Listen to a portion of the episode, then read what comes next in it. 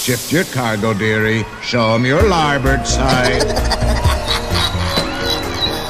Ik heb persoonlijk kunnen vaststellen dat het paleis werkelijk een lust is. Final arrangements may be made at the end of the tour. Het is weer ochtend in Pretparkland. Goedemorgen pretparkland en welkom bij je ochtendelijke pretpark podcast. Mijn naam is Erwin Taats en samen met Jelle Verelst doe ik vandaag een graai in de post van de afgelopen weken.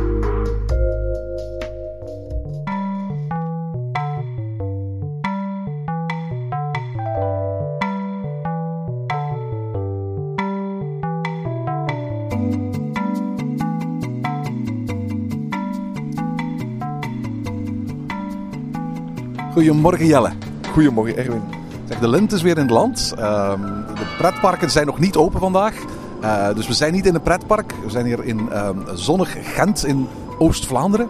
Het is te mooi weer om binnen te blijven. Hè? Ja, klopt. Hè. Een aantal jaar geleden zouden we nu echt uh, rijkhalsend uitkijken naar die paasvakantie die eraan zit te komen. Omdat we dan uh, naar, terug naar de pretparken kunnen. Ondertussen hebben we het geluk dat uh, ja, Disneyland, Efteling toch al twee dicht, dichtbijzijnde parken zijn. Toverland ook, of het klein deel van Toverland. Die open blijven tijdens de wintermaanden. Waardoor we toch ook een beetje, ja, als we toch nog zin hebben in onze hobby, daar naartoe kunnen. Maar goed, we zitten hier nu in, in zonnig Gent. We zitten in het zonnetje op een bankje. Uh, dus als je af en toe de tram hier hoort voorbij komen, dan, uh, dan weet je waar die ding-ding vandaan komt. Wat is dat? Zeg, uh, zoals de luisteraars wel weten, vragen wij aan het eind van elke aflevering om onze reacties te sturen. Dat doen jullie ook massaal via onze Twitter-account, via onze Facebook. Steeds vaker ook krijgen we reacties via onze Instagram-account. Maar nog altijd blijven mails zo de, de, de, de, meest gebruikte en ook voor ons de handigste manier om te gaan reageren. En we gaan weer eens een aantal mails voorlezen. Jelle? Ja, lijkt me een goed idee. Dan kunnen we ook eens reageren op een aantal mailtjes. Het eerste mailtje dat we kregen komt van Jorne Pittomvils. En hij schrijft het volgende. Beste pretparkland, ik ben een trouwe luisteraar van jullie podcast. Het luisteren doet me steeds zin krijgen om zelf de pretparken te gaan ontdekken en herontdekken. Het zit zo dat ik eind van dit jaar een roadtrip plan als huwelijksreis, proficiat Jorne, naar Florida. En dus vier, misschien wel vijf dagen door wil brengen in Walt Disney World. Ik weet dat dit rond Thanksgiving is en dus redelijk wat volk zal zijn. Nu zag ik op fotogalerijen.be dat jullie daar in die periode al geweest zijn. Hoe zit het met de drukte? We twijfelen bovendien of we eigenlijk wel alle parken van Disney willen doen. De waterparken sowieso al niet. En misschien wellicht maar drie van de vier parken. De kleine attracties zoals draaimolens laten we sowieso links liggen. Mijn vraag is als jullie één van de parken van Disney zouden moeten skippen, welk park zou dat dan zijn? Ik dank jullie vast heel erg voor de moeite en alle info met vriendelijke groeten Jorne Pittomvils. Dus eigenlijk is de, de vraag heel concreet. Hij vraagt aan de ene kant van, is dat een goede periode om te gaan? En de tweede vraag is, stel dat we wellicht omwille van zijn vrouw uh, er geen pretparkreizen mogen maken, maar slechts het aantal dagen moeten beperken. Welk park van Walt Disney World zou je dan schrappen? Zou je dan skippen? Misschien nemen we die laatste vraag eens eerst. Oké, um, ja, zoals jullie weten ben ik uh, ook in uh, Disney World geweest met mijn vriendin. En mijn vriendin is ook geen al te grote pretpark van. Uh, dus we hebben daar ook een beetje moeten wikken en wegen wat we wel en niet gingen doen. We zijn uiteindelijk wel een aantal dagen geweest. En was er zeven of acht dagen, hè? Ja, maar wat dat haar... En we, we, hebben, we zijn bijvoorbeeld nooit echt vroeg opgestaan. We, we zijn smiddags in ons hotel gebleven. En wat, haar, wat zij heel leuk vond, en wat, wat zij ook echt nodig had om aan die druk te ontsnappen, waren eigenlijk net wel die waterparken. Omdat die waterparken voor haar echt een dagje ertussenuit waren. Of een half dagje ertussenuit waren. En je dan s'avonds een aantal... Toch nog even rustig die drukte in kan. Maar die parken daar zijn... Je zit continu in, in een enorme mensenmassa. Uh, nog meer dan hier op, die, op dit zondagdagje in Gent rondlopen. En ja, je, je, gaat blij zijn dat je dan eventjes op een band kunt liggen in die Lazy River of gewoon kunnen dobberen ergens uh, langs het zwembad, in het zwembad. Uh, dat, dat zijn eigenlijk, als je, als je dat niet haat zwemmen, zijn dat in die warme temperaturen daar en in die, ja, in, in die zalige temperaturen, om het zo te zeggen, is dat echt een perfecte uitstap om, om vanaf 10 uur of zo naartoe te gaan. Uh, daar toch tot, tot in de late uh, of in de namiddag te blijven. En om dan terug, terug naar je hotel te gaan en s'avonds nog een aantal parkjes te doen. Of even een parkje te doen. En er is ook een hele goede reden om dat te doen. Hè? Want besef dan dat parken vaak vroeg open zijn. Doorgaans is elk park open al vanaf 9 uur s ochtends. Elke dag is wel een park dat open blijft tot 10 uur, 11 uur s'avonds. Het gevolg daarvan is dat dat hele lange dagen zijn. Waarbij je laat terug op je hotelkamer bent en je vroeg gaat opstaan. En dat drie of vier of vijf dagen na elkaar volhouden, dat gaat in je kleren kruipen. En ik merk van mezelf, als ik in, bijvoorbeeld pakweg twee of drie weken in Walt Disney World ben, dat ik dan toch wel geneigd ben om pakweg om de drie, vier dagen is een, wat we dan noemen, een rustdag toe te voegen. Een dag waar we in elk geval lang uitslapen, waar we niet per se bij wijze van spreken bij openingstijd aan de parken hoeven te zijn. En dan kan zo'n zo'n waterparkdag wel ideaal zijn. Hè? Ja, en vooral namelijk ook omdat je, je mag echt niet, als, als je zegt ik wil het zo kort mogelijk houden voor mijn vriendin, of, of voor, omdat we alle twee niet altijd. Als je, Of, of misschien gewoon omdat ze, het is een rondreis, misschien maar een heel korte periode in Orlando zijn. Voilà, het, het kan perfect, hè. Het, er zijn verschillende redenen. Maar plan die dagen niet vol, want het gaat een averechts effect hebben. Het gaat, allee, Disney World is zo'n fantastisch par, allee, park, parken en een Resort. resort om naartoe te gaan. En je gaat echt een averechts effect krijgen. Als je dat te vol plant, ga je een, een averechts effect krijgen. En, en dan gaat er net voor zorgen dat je vriendin, of als, als we zeggen nu zijn vriendinnen, maar dat je misschien zelf ook net een, een afkeer gaat krijgen van die drukte die daar is. En veel minder snel een, een nieuwe uitstap wilt plannen. Je kan niet van parkopening tot parksluiting dagelijks in die parken zijn. Dat, gaat niet. Het lukt één dag, dat lukt twee dagen.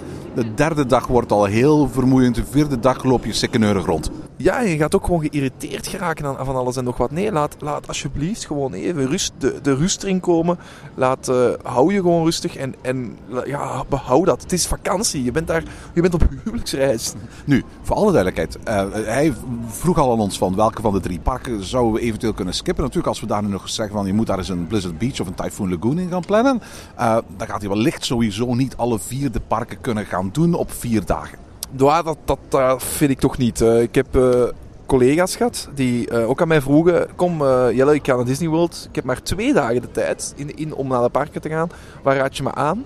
We hebben je, je kunt letterlijk alle highlights gaan doen op twee dagen tijd. Maar dan ben je aan het hoppen van park naar park. Dan, dan ben vier, vijf attracties per park gaan doen. Dan heb je ook geen tijd om eens, eens lekker wat te gaan eten. Of, of de, de, de thematisering of de landen. Of datgene wat Disney zo onderscheidend maakt te gaan ontdekken. Dan flits je bij wijze van spreken door Walt Disney World. Oké, maar je hebt ook maar vier dagen. Als je maar vier dagen hebt, dan ga je sowieso een klein beetje flitsen. En zeker als, als we zeggen, moet ook nog rustig aandoen. Maak gewoon een goede planning op voorhand. Zorg ervoor dat je de highlights die je wilt doen, kan doen. Hè. Maak, maak je op tijd je reserveringen. eh, je fastpass reserveringen. Ehm, eh, hou daar gewoon rekening mee. En, en het is echt mogelijk om op die vier dagen. Ik zou, ik zou zelfs op dit ogenblik, ik, ik had gezegd, en daar, daar blijf ik, bij dat stapstand blijf ik. Had, het, had, had Star Wars nog niet open geweest, dan had je sowieso de studio's moeten mijden. Ja, ja, absoluut. Maar laten we, inderdaad eens concreet op zijn vraag antwoorden. Want wij zijn nu aan het ompraten en proberen te zeggen van probeer daar toch vier parken te doen. En misschien zelfs vijf in de vorm van doe er nog één van de twee waterparken bij. Maar stel die zegt van nee, maar dat krijg ik thuis echt niet verkocht. Ik ga echt maar drie parken doen. En we weten hè, dat Star Wars Land, Galaxy's Edge, gaat open zijn in die periode. Welk van de vier parken, Magic Kingdom, Epcot, Disney's Animal Kingdom of Disney's Hollywood Studios, zou je dan overslaan? Had Star Wars niet open geweest, sowieso Universal. eh eh, eh, ik sowieso... Oké, maar we weten ondertussen vanaf 29 augustus is eh, Galaxy's Edge open. En wellicht in de loop van september, mm, loop van oktober gaat het volledig open gaan. Want als straks op 29 augustus eh, Galaxy's Edge open gaat, de Solitude Studios opent het maar met één attractie. De Millennium Falcon attractie. Wat bovendien de, de, de kleinere attracties van de, van de twee, de grote pièce de résistance, de Rise of the Resistance, Dark Ride, een Dark Ride van bijna een half uur, die gaat eigenlijk pas later open zijn. Maar ik, ik vermoed wel dat eind november, begin december die al open zal zijn. Ja, ik denk dat ook wel. En ik, ik denk dat je dan dat niet meer links kan laten liggen. Ook al ben je geen Star Wars fan, de, ja, de attracties die daar gaan staan, we hebben dat ook gezien bij Avatar. Hè. Avatar is een, is een pracht van een land. Ik heb niks met de film Avatar, maar, maar Flight of Passage is gewoon een van mijn favoriete attracties ooit. Ja, maar dat, dat denk ik van iedereen. Hè. Je moet niets hebben met Avatar om in die attractie te stappen en, en die ervaring mee te voelen en te snappen wat daar gebeurt. En dat is hetgeen wat er sowieso ook gaat gebeuren bij Star Wars. Je gaat dat gebied binnenwandelen, na acht uur wachten, ga je dat gebied binnenwandelen. en Ze hebben een, geen reserveringssysteem in, in, in Disney's Hollywood Studios. Dat is heel vreemd. Disney heeft dat onlangs bekendgemaakt. Eh, als je naar, naar, naar eh, het Galaxy's Edge gaat in Disneyland in Anaheim, dan is er een reserveringssysteem om het park binnen te komen. Een gratis reserveringssysteem eh, overigens. Maar in Disney's Hollywood Studios gaan ze dat niet hebben. Daar gaat iedereen moeten wachten om het themagebied binnen te gaan. En ook heel bijzonder, de attracties krijgen, althans in eerste instantie, geen fastpass. Je gaat niet kunnen reserveren voor de attracties in Galaxy's Edge. Wat ik een hele bijzondere keuze vind van Disney. Ik denk, en daar is nog, volgens mij nog niet zo gecommuniceerd geweest, maar ik denk dat we hebben ehm, al een aantal keer gehoord en, en we hebben ook al gezien dat er eh, van die ehm, uitverkoopdagen zijn of, of uitverkoopavonden waarbij je een, eh, voor een, een extra ticketed event eigenlijk, waarbij je extra kan betalen om s'avonds laat nog twee, drie, vier uur in een park van Disney World te blijven. En daar zijn de attracties of de grote attracties dan open. Je krijgt dan ook frisdrank gratis en zo verder. Maar ik verwacht dat dit ook gaat gebeuren voor de Hollywood Studios Ja, absoluut, ja. met Star Wars bij. En dan lijkt mij, als je Star Wars wilt doen en je wilt niet één van die vier dagen ehm verpest aanhalingstekens om in de rij te staan voor, voor Star Wars, dat je zo'n extra ticket event zal moeten doen. Zo, Ja, of wat ze ook eh, gaan doen. Ik, ik was er toen Avatar pas open was. En toen was het zo dat die hele zomer lang. Was het zo dat er extra magic hours waren na openingstijd alleen maar voor hotelgasten. En dan kon je eigenlijk bij wijze van spreken op een half uurtje Flight of Passage doen. Ik geloof dat het zo is dat ze zelfs al aangekondigd hebben dat in Hollywood het zo is. Dat Star Wars net geen deel gaat uitmaken voor de extra magic hours. Eh, maar dat iedereen die in een hotel overnacht wel een gegarandeerde toegang gaat krijgen tot Galaxy's Edge. En dat ehm, voor ehm ehm, Disney's Hollywood Studios een gelijkaardig principe als bij Avatar gaat gebruikt worden. Met name dat elke dag park extra open zal blijven, alleen maar voor hotelgasten. Dus eh, we weten natuurlijk niet of Jorne in een hotel van Disney zelf gaat overnachten of ergens in een hotel in de buurt. Is het eerste het geval, dan, dan hoef je niet zo bang te zijn dat je heel erg lang gaat moeten wachten om dat gebied binnen te gaan, denk ik. Maar ja, als je daar tot eh 1 uur s'nachts, want dat waren de uren toen, van 11 Ja, tot van 1. 11 tot 1, hè, ja. Als, als je tot 1 uur s'nachts, of, of om 1 uur Daarmee s'nachts... schakel je toch ook meteen een heleboel hotelgasten uit. Gezinnen met jonge kinderen, die gaan niet van 11 tot 1 bij wijze van spreken eh, nog, nog in zo'n park achterblijven. Hè. Ben, ben je er geweest op, op het moment dat... dat van, van, ik, ik ben daar op- op- na sparksluiting van Animal Kingdom nog rondgelopen. We zijn niet tot één uur beter, we waren op, maar we, allee, we, we hebben daar wel nog rondgewandeld. Je zegt dan, oké, ik wacht buiten de parkuren.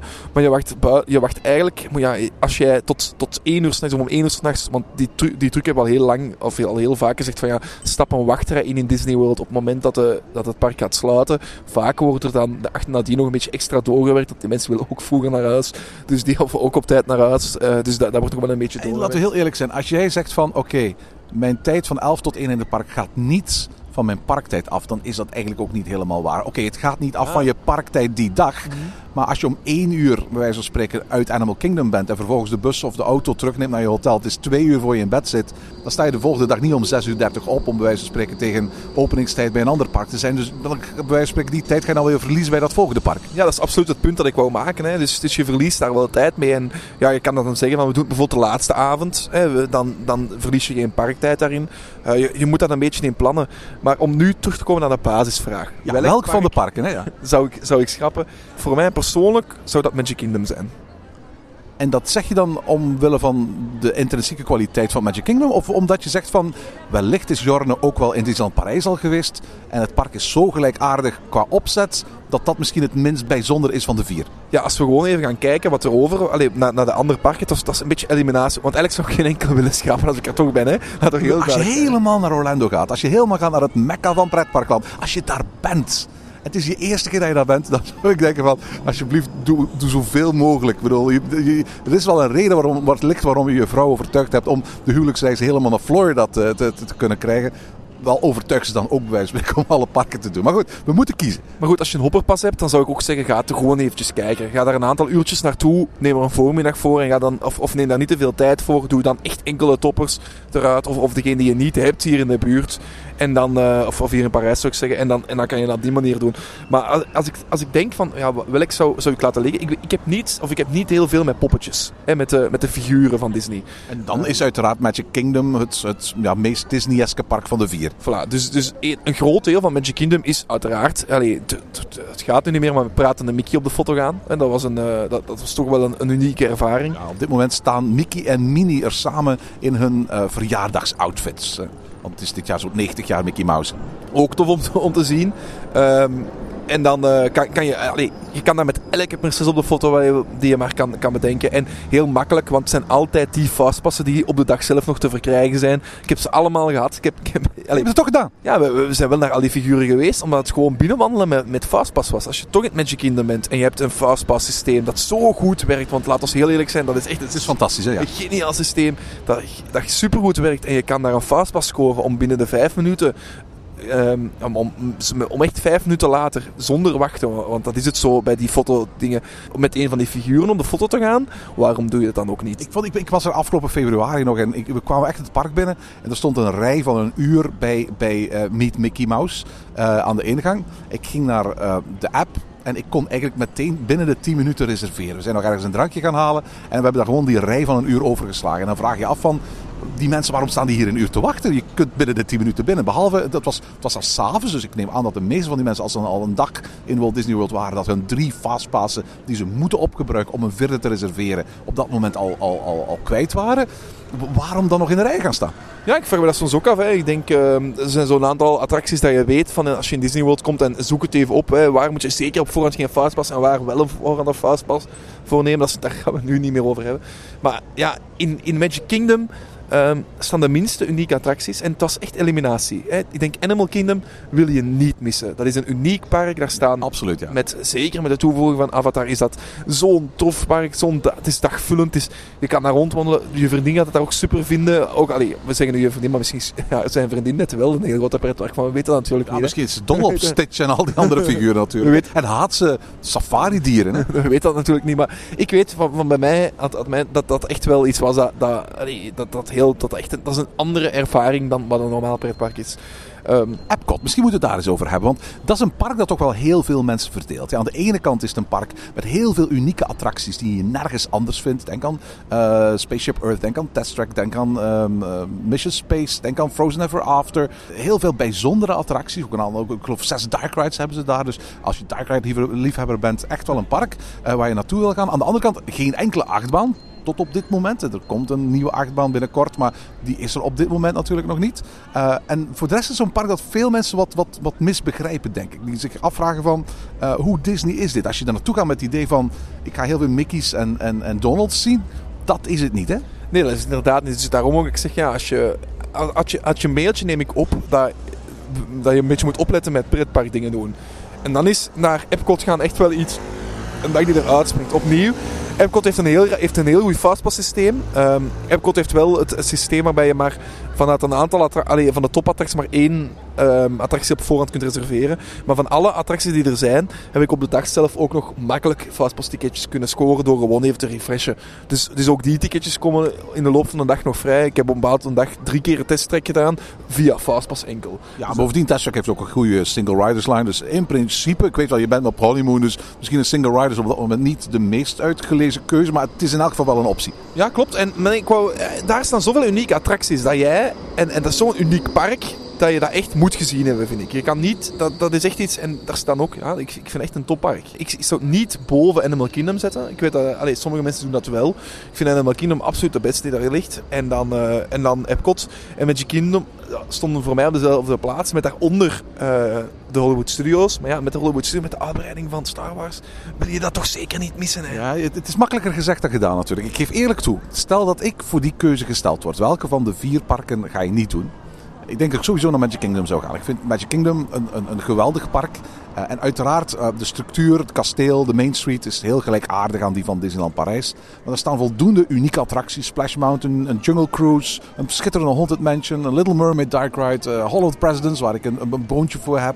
Dat soort zaken die echt wel onderscheidend zijn, die je absoluut niet in Parijs vindt. Ze hebben een geweldige parade, ze hebben een schitterend vuurwerk dat je niet mag missen op het eind van de dag. En het, het, het ademt gewoon de sfeer uit van, ben in Walt Disney World geweest. Geef eerlijk toe, stel dat je naar Walt Disney World zou gaan en je zet geen stap binnen in Magic Kingdom, dan zou mij dat een beetje het gevoel geven alsof ik eigenlijk niet echt in Walt Disney World ben geweest. Goed, heb ik nog drie parken over waarvan ik er eentje moet gaan skippen. Epcot vind ik zelf waarschijnlijk een van, mijn favoriete parken om, om, om, om tijd in door te brengen. Animal Kingdom is het allermooiste en allerindrukwekkendste park die ze daar hebben. Dat gaan we niet skippen. Maar ook Epcot zou ik absoluut zeker doen. Het is een volwassen themapark. Eh, World Showcase eh, is een van de gezelligste plekken om s'avonds bij, bij schemering het parkeinde te vieren. Eh, de pra- prachtige vuurwerkshow op het, op het meer, die op dat moment al een andere vuurwerkshow zal zijn dan de show die hier op dit moment draait. Maar kom. En dan hebben we Hollywood Studios. Ik vind Hollywood Studios ook al, ga ik er graag, het minst onderscheidende park van allemaal. Daar komt natuurlijk nu Star Wars Land bij, Galaxy's Edge. Maar ik zou zelfs een overweging nemen om dat park te schrappen. En waarom? Ik, ik, het, het, lijkt doodzonde, maar als je echt met iemand gaat voor wie pretparken niet haar ding zijn. Ik verwacht dat je daar heel, heel lang in die periode gaat moeten wachten. Vooral duidelijkheid, op dat moment zal het hele themagebied een maand of drie open zijn.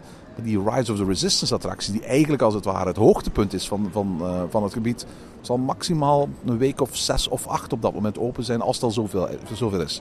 Daar gaat er een waanzinnige, waanzinnige drukte zijn. Pakweg de hele zomer dat Avatar openging, stond daar bij wijze van spreken twee, drie uur wachtrij om het gebied binnen te kunnen. En moest je bij wijze van spreken vaak drie, vier, vijf uur wachten bij de attracties. Uh, deze attracties krijgen geen fastpass. Ik vermoed dat als je in die periode naar Walt Disney World zult gaan en je bezoekt Disney's Hollywood Studios, dat de kans heel groot is dat je vier, vijf uur, misschien wel langer in de rij gaat moeten staan om Galaxy's Edge binnen te gaan. Als je dan zegt van, oké, maar goed, dan gaan we wel naar Hollywood Studios en doen we Galaxy's Edge niet. Nou, wat er staat is, is, is niet voldoende de moeite waard om, om, om dat te rechtvaardigen. Maar als je echt gaat met iemand die niet van pretparken houdt, dan zou ik, hoe zwaar ik het ook zou vinden, ik zou nooit bij spreken die keuze maken. Maar als ik een keuze zou maken, dan zou ik er uiteindelijk voor kiezen om gewoon te zeggen van, doe Disney Hollywood Studios niet. In die periode ga je gewoon te lang staan wachten. Het, is, het gaat nog echt maar nog pas volledig open zijn. En dat ga je merken aan de drukte. Om nog verder te gaan op een andere vraag. Hoe druk is het daar? Je, hebt gelijk. Ik heb dat heel goed gezien op fotogalerijen. Vind je een aantal fotoreeks van bezoeken die ik eh, vorig jaar, dus in 2018, in diezelfde periode heb gedaan. Ik denk dat het niet eerlijk is om, om de drukte die je op die foto's gaat zien te vergelijken met de drukte die je zelf zult ervaren als je er op dat moment zult zijn. Galaxy's Edge gaat ervoor zorgen dat er heel veel mensen in die periode naar, naar, naar Walt Disney World zullen trekken. En op het eerste zicht zou je dan denken van, uh, dat zal waarschijnlijk ervoor zorgen dat het alleen maar in Disney Hollywood Studios drukker geworden wordt. Maar dat is niet zo. Mensen gaan naar Walt Disney World op vakantie voor drie of vier of vijf dagen. En de ene dag zitten ze in, in Disney's Hollywood Studios. Maar diezelfde personen die extra naar Disney's Hollywood Studios zijn getrokken voor Galaxy's Edge, die zitten de volgende dag in Animal Kingdom staan ze in de rij bij Pandora. En de, dag daarna staan ze bij wijze van spreken in Epcot in de rij bij Soarin. Ik geloof niet, in tegenstelling tot wat ik andere collega-podcasts al heb horen beweren, dat de opening van Galaxy's Edge wel eens zou betekenen dat de wachtrijen bij, bij, bij Pandora naar omlaag zullen gaan. Integendeel, ik durf mijn hand voor in het vuur steken dat de wachtrijen omhoog zullen gaan. Gewoon omdat de algemene bezoekers, bezoekersaantallen omhoog zullen gaan. En die bezoekers komen niet alleen voor Galaxy's Edge. Die gaan ook in hun vakantie op een bepaald moment naar Animal Kingdom gaan. Ik denk dat je in een hele drukke periode naar Walt Disney World zult gaan. Het was een hele rustige periode, maar het wordt heel druk. Het enige wat ik eigenlijk kan aanraden is plan je bezoek heel erg goed. Niet alleen je bezoek aan Disney World Studios. Zorg dat je op tijd je kaartjes hebt. Zorg dat je op tijd je fastpassen gereserveerd hebt. Zorg dat je weet waar je naartoe moet. Zorg dat je reservaties voor, voor, voor restaurants klaar hebt staan. Plan in die periode je bezoek volledig. Het gaat, geweldig zijn, maar als je gewoon toekomt zonder veel planning, dan denk ik dat de drukte in die mate je reis gaat beïnvloeden dat je het niet fijn zult vinden. Ik denk één, dat je niet meer naar Disney World kan zonder het te plannen. Of toch tot een, een minimumplanning te doen. Hè. Want die fastpassen wil je gewoon op voorhand reserveren. Daar, kan je gewoon... Allee, als je fatsoenlijke fastpassen wilt hebben, dan, dan moet dat bijna op voorhand. Um, aan de andere kant um, komen we eigenlijk altijd terug op ons eerste, op ons eerste, waar we het eerste kwartiertje hebben over hadden. Doe dit niet. Skip niet één park. Het, het, feit dat wij het er zo moeilijk over hebben om, om één park te willen skippen, zegt, zegt u gewoon van ja, dit het is, is, niet nodig. Al zeg je maar van, kijk, die vijf dagen, vier, vijf dagen dat we daar zijn, als je geen hopperpas neemt, dan ga je toch één dag willen uitslapen en één dag nog even aan het zwembad willen liggen van je hotel. Neem dan die avond om bijvoorbeeld enkel die avond naar de Hollywood Studios te gaan. Neem drie fastpassen die avond. Doe misschien, als, je, als dan blijkt dat die wachtrijen nog meevallen, kan je, een van die, kan je toch een van die Star Wars uh, attracties doen. Maar dan heb je geen verloren dag. Dan heb, je, dan heb je nog drie volledige dagen in de andere parken. En dan kan je op die manier die fastpassen nemen. Ik wil nog één tip geven. Um, de vuurwerkshow van het Magic Kingdom is absoluut een must. Maar daarvoor moet je volgens mij niet in het park zijn. Je kan perfect buiten je, uh, buiten, buiten je vier dagen om, als je in de buurt bent, bijvoorbeeld een reservatie maken in een van de restaurants. Um, buiten in een van de hotels rond, rondom, het, uh, rond, rondom het meer. Um, ik, ik, weet dat jij, Erwin, heel vaak, uh, dat, of dat, dat toch al een aantal jaren als, als eind, als afsluiting van, van je Disney World vakantie doet. Hè? California Grill, dat is het restaurant op de 15e verdieping van de Contemporary Resort, het resort dat het dichtst ligt bij het Magic Kingdom. Vandaar heb je een prachtig uitzicht over het hele Magic Kingdom en ook een, eh, eh, een uitzicht eigenlijk over het, vuurwerk. Ik reserveer altijd ongeveer een uurtje voor het vuurwerk begint. En, eh, dus dat wil zeggen als het vuurwerk om 9 uur is, dan reserveer ik een tafeltje om 8 uur. En meestal loop ik dan nog een half uurtje eerder het, eh, het restaurant binnen eh, om te vragen of ik een tafeltje aan het raam kan krijgen. Uh, is mij tot nu toe altijd gelukt. Dan kun je gewoon bij letterlijk aan het raam zitten. En op het moment dat de dessert binnenkomt bijvoorbeeld, uh, genieten van het, van, van het vuurwerkuitzicht. er is een restaurant, Narcoosse's, een visrestaurant bij de Grand Floridian. Van waar je ook een prachtig uitzicht hebt over het, over het water met, en waar je de vuurwerkshow kunt zien. Je hebt als me niet vergis het vuurwerk gezien vanaf het, het, terras van Trader Sam's. Ja, klopt. In de Polynesian Village Resort. Daar kan je dan op het terras van Trader Sam, waar een cocktailbar is, gaan zitten. Een cocktailtje bestellen. En ook daar, hè, daar, speelt een, uh, daar speelt, er is iemand live muziek aan het spelen. Maar op het moment dat de uh, show begint, gaat, stopt hij ook met spelen. Wordt het licht gedempt. En wordt ook de muziek van de show daar, uh, je ziet ook zo over het meer. Kan ook perfect doen van op het strand, dat er vlak naast ligt. En dan hoor je ook de muziek nog altijd. Iets minder goed, maar dan hoor je ook die muziek nog altijd. En dan heb je een gratis moment om, om naar, de, naar het vuur te gaan. Dus dat kan eigenlijk Bestel een kokosnoot waar ze een gat in boren en dan rum in doen. En dan, wijze van spreken, gewoon van op het strand uh, genieten van het vuurwerk. Of, of een dolwip. Een met rum? Met rum, ja. want die kan je daar krijgen. Dus ja, inderdaad, inderdaad, inderdaad. Bij Captain Cooks is dat inderdaad. Dus eigenlijk, bedoel, je, je hoeft bij spreken inderdaad niet naar een park te gaan om uh, uh, de vuurwerkshow Happily Ever After te zien. Het is een vuurwerkshow met, met, met projection mapping. En uiteraard, als je vlak voor het kasteel staat, is hij vrij indrukwekkend. Maar in tegenstelling tot in Parijs wordt projection mapping daar niet gebruikt om te besparen op het vuurwerk. Er, zijn wel, er is echt wel constant vuurwerk. Dus ook van op een afstandje of vanuit bijvoorbeeld de California Grill uh, is dat echt een, een, een geweldig spektakel om te zien. Ja, klopt volledig. Het is echt een, een, een leuk spektakel om te zien. En het is echt gewoon veel vuurwerk. En daar draait het gewoon om daar. En het draait veel minder om de, ja, om, om de projection mapping. Uh, zoals het in Parijs of, of, of, in Anaheim het geval is. Alright, tot zover. We hebben er lang over bezig geweest. Maar er valt ook zoveel te vertellen over Walt Disney World. En dat gaan we ook doen, maar daar later meer over. Ondertussen hebben we ook nog een mail binnengekregen van Louis Garemink uit Rotselaar. Ja, hij schrijft... Uh, dag jongens van Ochtend in Pretparkland. Jullie hebben ongetwijfeld ook het nieuws gehoord van de vergunningsproblemen bij de Efteling. Het park wil uitbreiden, maar boze buurbewoners willen dat tegenhouden en lijken daar voorlopig ook nog aardig goed in te slagen. Wat is jullie kijk op die zaak? Denken jullie dat de Efteling toch nog gaat kunnen uitbreiden? En hoe staan jullie tegenover het feit dat de buren van parken zo'n beetje overal moeilijk doen tegen uitbreidingen? Veel groeten, Louis. Wel, um, Louis, ik vind, ik heb misschien gehoord terwijl ik het voorlas dat ik een beetje lachte met je boze buurtbewoners. Uh, mooi, mooi geformuleerd ja, de Efteling en, en eigenlijk elk park dat, dat we kennen, heeft problemen met zijn buurbewoners. Ergens snap ik dat. En er wordt heel vaak, en heel vaak het argument genomen, ja, dan moest je dan maar niet gaan naast wonen. Maar kom, mensen wonen daar vaak al langer dan, dan die attracties die daar staan, of die grotere attracties die daar staan. En ik vind dat persoonlijk geen argument om ervoor te. Allee, geen argument, je moet daar niet gaan wonen. Als, als ik ergens woon op dit ogenblik en naast mij is een bedrijf of een bedrijventerrein en dat bedrijventerrein breidt uit en dat komt richting mij, dan ga ik ook zeggen: jongens, breidt het niet uit naar mijn achtertuin. En als die dan daarna zeggen van, um, van ja, maar je had daar maar niet moeten gaan wonen. Ja, misschien had ik dat nog niet gedacht toen je dat huis kocht, dat dat zo groot was. Ja, en ik, net zoals een, een bedrijf het recht heeft om uit te breiden, hebben de buurtbewoners het, het recht om dat niet fijn te vinden en daartegen te protesteren. Ja, lijkt mij ook het geval. Hè. En we kunnen duizenden voorbeelden aanhalen, denk ik, van attracties of die in problemen zijn geweest.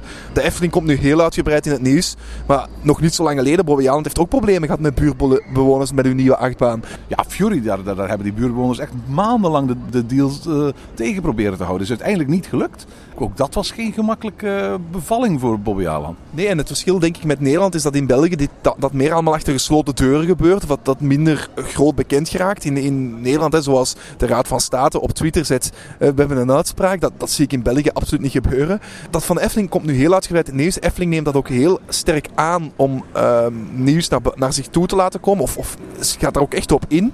En dat zien we andere parken veel minder doen. En we zitten nu in, in een geval waarbij dat de, Raad van State, wat volgens mij toch een objectief orgaan is, een objectief hoog orgaan, het is een raadsorgaan voor de uh, overheid van Nederland. Een rechter is natuurlijk nooit objectief. Uiteindelijk is het een oordeel dat geveld wordt. En oordelen kunnen nooit objectief zijn. Maar een rechter is natuurlijk wel de, de, de hoogste juridische macht. En de Raad van State binnen Nederland ook nog eens de hoogste variant van die macht. Als je rechtsstaat accepteert, accepteer je ook, ook het oordeel van de rechters die de uitspraken doen. Ja, klopt. En als, als zij zeggen van het is niet voldoende wat er nu staat, maar dat is eigenlijk wat ze zeggen. Ze zeggen niet, de Efteling mag niet dit ogenblik. Ze zeggen eigenlijk, de Efteling heeft, heeft plannen om uit te breiden. Die plannen zijn oké, maar er wordt te weinig rekening gehouden met geluidsoverlast, met verkeersoverlast, met te drukke verkeer, met waar gaan al die auto's parkeren en zo verder en zo voort. Daar wordt eigenlijk te weinig rekening mee gehouden. Eigenlijk zegt de Raad van State, Efteling, je hebt je huiswerk niet goed genoeg gedaan. Wel, en dat is ook het, het, het verhaal dat ik daaruit uit meekrijg. En dan kunnen wij als fans heel boos zijn op die boze buurtbewoners die zeggen van... ehm Ela, dat, dat, is, dat mag hier niet in mijn achtertuin of dat, dat mag hier niet gebeuren. Maar eigenlijk kunnen we even goed boos zijn op de Efteling dat die niet ehm, op een fatsoenlijke manier een, dossier hebben ingediend. Fatsoenlijk, ik heb het ding doorgenomen. Het zag er allemaal wel heel erg indrukwekkend uit. Maar het feit dat wij spreken een aantal buurtbewoners in staat zijn om een advocaat onder handen te nemen. En daar dan toch nog wel iets uit te vinden dat zelfs door een Raad van State wordt afgekeurd. Geeft toch wel aan dat, dat daar ergens iemand wat steek heeft laten vallen. Nu, hoe sta ik er zelf tegenover? Ik moet eerlijk toegeven dat een van de, de, de, de grootste bezwaren die ik altijd zelf gehad heb, is in de manier waarop de Efteling de noodzaak voor hun plannen verdedigde. En grosso modo komt het hierop neer. Het park zegt van kijk, overal in Europa zijn onze concurrenten bezig met uitbreiden. Europa Park is miljoenen aan het investeren, onder andere in nieuwe hotels en in eh, nieuw waterpark. Er staan hele grote uitbreidingen eh, gepland bij Disneyland Parijs. En als je ziet waar Plopsaland mee bezig is, het hotel dat er aankomt, wat Paradise aan het doen is in, in, in België, wat eigenlijk overal in Europa, van spreken, grotere en middelgrote spelers aan het doen zijn, dan moeten wij onze concurrentiepositie kunnen bewaren, want anders gaan wij in de problemen komen. Ik snap dat argument. Aan de andere kant heb ik tegelijkertijd het gevoel dat dat niet noodzakelijk zo hoeft te zijn. Ik, ik zie geen correlatie tussen wij hebben meer grondgebied nodig en anders kunnen wij bij wijze van spreken die concurrentiestrijd niet volhouden. Ja, je hebt misschien meer grondgebied nodig voor meer parking, maar ik denk dat het daar een beetje ophoudt. Want als we nu kijken binnen de Efteling, en we weten allemaal, de Efteling ehm, zegt dat zij zich aan de 11%-regel willen houden. hè, 11% mag bebouwd zijn. Maar als we nu door de Efteling wandelen, en we wandelen daar langs een voetbalveld, grasveld, Je hebt het over de picknickweide. dan heb ik zoiets van, wat doet dat voetbalveld hier? In het midden van een pretpark. Absoluut. Ik vind dat een van de grootste zwarte vlekken van de Efteling. Ik snap niet dat een park met het niveau van de Efteling dat zo'n groot grasveld heeft liggen en dat niet gebruikt. Dat, dat, is, dat is gewoon raar. Dat is, Een aantal jaren geleden hebben ze letterlijk een heel bosgebied weggedaan om er Baron 1898 op te plaatsen. En toch blijft dat grasveld daar naast de dubbele laan gewoon onaangeroerd liggen. Ik heb al honderden verhalen gehoord over het zou verontreinigde grond zijn. Wel, je kunt verontreinigde grond, weliswaar tegen een, een hoge kostprijs, maar laten we ontverontreinigen. Is het dan wel oké om daar een picknickweide op te maken? dat- Ja, dat is inderdaad. Dat is een ik vermoed dat de verontreiniging wat lager zit als die aanwezig is. Maar ik heb het ook al eens bij de Efteling nagevraagd. En blijkbaar is dat niet het punt. En is het helemaal niet zo dat die verontreiniging de reden is waarom daar niet gebouwd wordt. Eh, het is op dit moment de gemakkelijkste oplossing om, om tijdelijke evenementen een plaats te geven. En, en dat is iets waar ze een oplossing zouden moeten voor, voor vinden. Waar op dit moment geen oplossing voor voorhanden is. Maar ik vind zelfs dat eigenlijk bij wijze van spreken geen noodzakelijk argument. Ik vraag me bijvoorbeeld ook af in hoeverre dat de winter Efteling staat of valt met met een schaatsbaan. Volgens mij kan die, in, kan die in een kleiner formaat ook op andere plekken staan. En ondertussen is, is zo'n schaatsbaan zo'n beetje een soort van standaard dingetje bij wijze van spreken. Dat je overal wel aantreft, zelfs op elke kerstmarkt van elke gemeente en elke stad in Vlaanderen, Nederland en Duitsland. Misschien hoeft die daar niet eens te staan. En kan er een andere oplossing gevonden worden om bij wijze van spreken winters entertainment en winterse doe-activiteiten te creëren. Waardoor je in principe die, die grote picknickweiden niet nodig hebt. Er, er zijn nog andere plaatsen in het park waar ook een tent is, waar vroeger de tent stond naast de Python. Lijkt mij perfect. Als, als je daar een attractie moet, als je ergens in je park een attractie kwijt moet, waarom gebruik je die grote oppervlakte niet? Dat is zo raar dat dat park dat niet gebruikt. Je kan zelfs het argument gebruiken, oké, dan moet je 360 graden rondom rond ehm, thematiseren. Maar goed, dat hebben ze met dingen ook gedaan, hè, met, met, eh, met hun laatste toevoeging. Het is raar dat de Efteling zegt, we moeten uitbreiden, we moeten uitbreiden, we moeten zoveel meer stukken grond hebben dat bij ons park hoort, om concurrentieel te blijven. Want dat is volgens mij ja, niet nodig met de bebouwingsgraad zoals het nu is in de Efteling. En voor alle duidelijkheid, er is ook zoiets. Hoe blijf je concurrentieel? De Efteling had vorig jaar 5,3 miljoen bezoekers. Dat is veel en dat is, dat is, een groei. Aan de andere kant, ehm, de- Efteling brengt weinig informatie naar buiten hoe ze precies tot die aantallen komen. Worden gasten van het Loonse Land en Bosrijk automatisch meegeteld voor het aantal bezoekers dat ze er dagen doorbrengen of niet? Worden bezoekers van Caro meegeteld in het, in het bezoekersaantal? Worden mensen die het pretpark aandoen meegeteld. Eigenlijk kun je daar heel veel kanten mee uit. En het, het feit bijvoorbeeld dat eh, de- de- 2017 er in één keer zo'n ontzettende stijging was, had volgens mij niks te maken met de opening van Symbolica, maar alles te maken met het feit dat tegelijkertijd het Loonse Land geopend werd. Dat men mensen die daar gingen slapen meteen voor drie of vier dagen mee ging tellen. Ook al was het zo dat die mensen misschien maar twee dagen of tweeënhalve dag aan een hele sterke kortingsprijs het park gingen bezoeken. Ik bedoel, dat zijn boekhoud, boekhoudkundige trucjes, we weten dat niet. Maar aan de andere kant kun je ook afvragen, hoef je in principe groei vertaald te zien in meer bezoekers? En dat is iets wat we bij Disney zien. Hè? Disney, eh, zowel in Amerika als in Parijs, slaagt erin om zijn omzetcijfers te vergroten. En in het geval van Walt Disney World en Disneyland ook zijn winstcijfers enorm te vergroten. Zonder dat daar echt bezoekers bij komen. Dat doen ze door hun prijzen omhoog te brengen. Waardoor ze nog altijd voldoende geld hebben om fantastische investeringen te kunnen doen. Zonder dat da- daar bij wijze van spreken meteen die, die mensenmassa zo in, exponentieel voor hoort te groeien. Je zou kunnen denken van Efteling, als je per se wil groeien, groei dan in omzet in plaats van in bezoekersaantallen. En dan ga je bij spreken al een heleboel logistieke problemen kunnen vermijden. De logistieke problemen die je nu met, met, met dat nieuwe uitbreidingsplan eigenlijk wil oplossen. Ik heb daar een aantal vraagtekens bij eigenlijk. Als je kijkt naar de Efteling, ehm, is absoluut van de grote spelers in Europa de goedkoopste. En er is geen enkel pretpark waar je op aan zo'n goedkope prijs... We zitten nu weer met die Albert Heijn actie, waar je 10 euro korting krijgt... waarbij je eigenlijk voor 30 euro naartoe kan. Dat is absurd. Ik vind dat absurd. En Eh, volgens mij is, is, is het werkelijk zo dat 1 op 5 bezoekers, of 1 op 4 misschien zelfs, met, met, met, met, met zo'n Albert Heijn actie elk jaar de Efteling bezoekt. ja, of, of via eh, het Loonse Land of, of, of een hotelovernachting. Of, allee, een hotelovernachting is nog redelijk duur, maar eh, allee, via een van die andere... Ja, dan, dan is dat gewoon... Die mensen komen met korting binnen. Die, die, je kan makkelijk met korting naar de Efteling. En in Nederland en in België zit gewoon dat gevoel van... Je moet pas naar een pretpark gaan vanaf wanneer er korting is. Ik, denk, ik denk dat is echt zo'n gevoel dat typisch Belgisch en Nederlands is.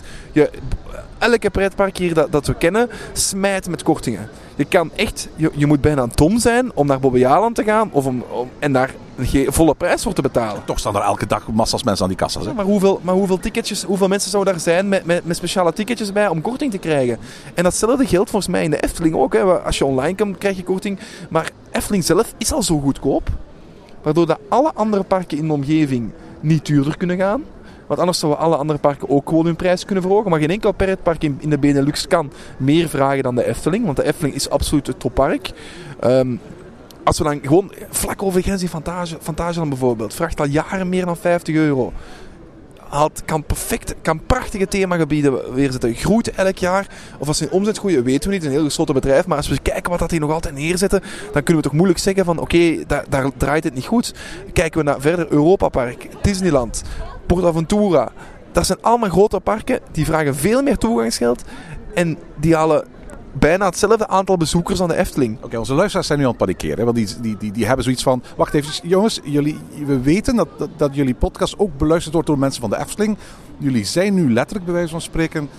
de Efteling aan het overtuigen om meer geld te vragen voor kaartjes. Waarschijnlijk die abonnementsprijzen ferm de hoogte in te, eh, te gooien. En ook bij wijze van spreken de, de andere kosten. Van parkeren tot wat een colaatje kost of wat een hamburger in het park kost. Om die ook eh, te verhogen. Want als je kijkt naar wat, wat, wat zelfs een Bobby Haaland of een Plopsland vraagt voor een colaatje. Dat is bijna een derde meer dan de Efteling.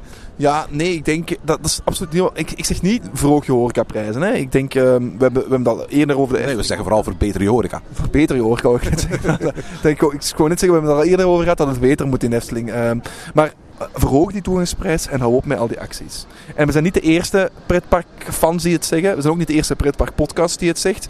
Ik, ik volg dat gewoon. Ik, ik volg dat idee van... Dus het is eigenlijk opgelost. Hè? Ze moeten gewoon stoppen met al die kortingsacties. En dan hoeven ze bij wijze van spreken helemaal geen eh, extra parkeerplaatsen meer te gaan voorzien en zo.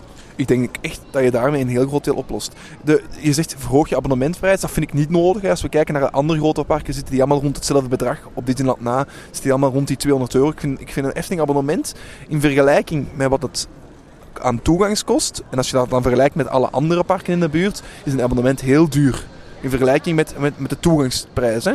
Want als we kijken naar Europa Park, is het abonnement bijna evenveel, of kost zelfs evenveel. Maar daar kost een dagje Europa Park 50 euro. Fantasieland hetzelfde. Blackpool Pleasure Beach is een abonnement veel goedkoper. Of in, in Engeland, algemeen, de parken in, in Engeland zijn abonnementen veel We goedkoper. mogen nu ook met ons Efteling abonnement Blackpool Pleasure Beach gratis bezoeken. Hè? Klopt, klopt. Maar daar, daar zijn abonnementen, zeker als we denken aan, aan Thorpe en Alton Towers. En daar, die abonnementen die van, van die groep die kosten veel minder. En daar kost, maar daar kost een toegangsticketje voor het park ook wel rond de 50 euro. Dus nu zitten we uiteindelijk te zeggen van kijk, Efteling, zijn abonnementprijs, ze hebben heel veel abonnementhouders. En ik denk dat daar een, een eerlijke prijs wordt voor gevraagd. Maar voor een dagticket, om een dagticket naar de Efteling te gaan, wordt nog te weinig geld gevraagd. Terug naar die boze buren. Mijn argument is eigenlijk het volgende: dat ik die buren eigenlijk maar al te goed begrijp. Want de Efteling zegt nu van kijk, we zitten aan 5,3 miljoen bezoekers. Om onze status te kunnen behouden, om te kunnen blijven concurreren met onze eh, eh, investerende concurrenten, moeten we ervoor zorgen dat we tegen 2030 7 miljoen bezoekers kunnen ontvangen. En om 7 miljoen bezoekers te kunnen ontvangen, hebben we nu eenmaal meer plek nodig.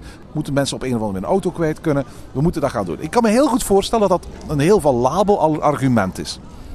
Aan de andere kant, stel dat ik daar in de buurt woon, dan zou ik misschien zoiets hebben van: oké, Efteling, je wil 7 miljoen bezoekers tegen 2030. Maar Europa Park en Disneyland, die gaan niet stoppen. Ik bedoel, als dat waterpark een beetje goed draait van, van, van Europa Park, als die studio's eenmaal in 2024, 2025 helemaal gecompleteerd zijn in Disneyland Parijs, ja, dan, gaan, dan gaat Disneyland bij wijze van spreken wel verder beginnen bouwen. En, en dan gaat ook Europa Park verder gaat investeren. De Plopsa gaat nog meer parken openen en waterparken en hotels en dat soort dingen meer.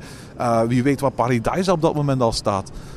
En dan is nog maar de vraag van, krijg je dan een directeur die pakweg in 2025 of 26 zegt van... We zitten op het goede spoor om die, die 7 miljoen te halen in 2030. Maar eigenlijk, als we zien wat onze concurrenten aan het doen zijn... moeten we echt naar die 10 miljoen gaan in 2040. Dan kan ik me heel goed voorstellen dat als je daar een huisje he- hebt in Kaatsheuvel... Dat dat soort aantallen, bij wijze van spreken, je toch behoorlijk angstig maken. Ik, ik, denk, als je serieus bent, zo'n zo, zo, zo'n zo'n buurtbewoner die klaagt aan de ene kant voor wat er onmiddellijk gaat komen, wat de Efteling nu heeft aangekondigd dat ze gaan doen. Maar zit ongetwijfeld ook met wat schrik om het hart over wat dat betekent voor de toekomst. Want zo'n zo'n park is nooit af natuurlijk. Ja, of je moet er een Airbnb van je huis maken natuurlijk. Dan, Ja, maar dan krijg je zo'n situatie zoals in Roest. Hè? Een, een- een- dat is een dorp zonder ziel.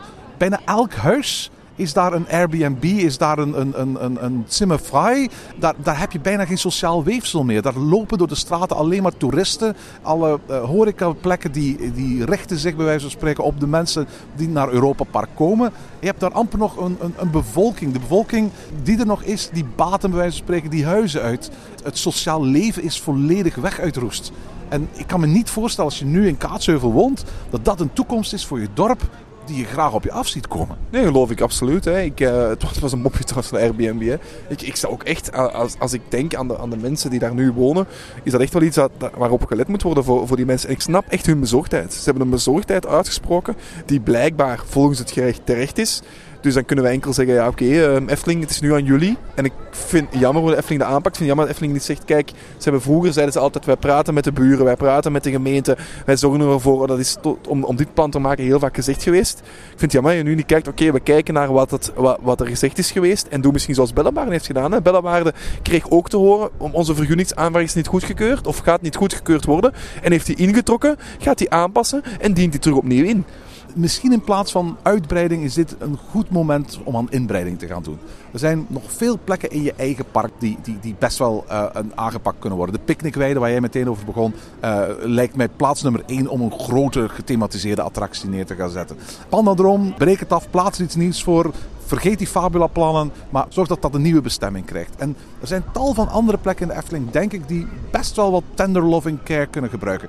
Efteling pak die dingen aan. De oude Tuffer ziet er als een hele toffe update eh, eh, uit. Maar gaat nu ook Carnavalfestival aanpakken. Ik, weet nog niet in hoeverre dat het zich zal beperken tot een technisch onderhoud en een paar scènes voor de vorm. Of echt wel een, een grondige aanpak waarbij ook spreken die verschrikkelijke wachterij en die onaantrekkelijke gevel wordt aangepakt. Ik vrees dat die dingen gewoon zullen blijven zoals ze zijn.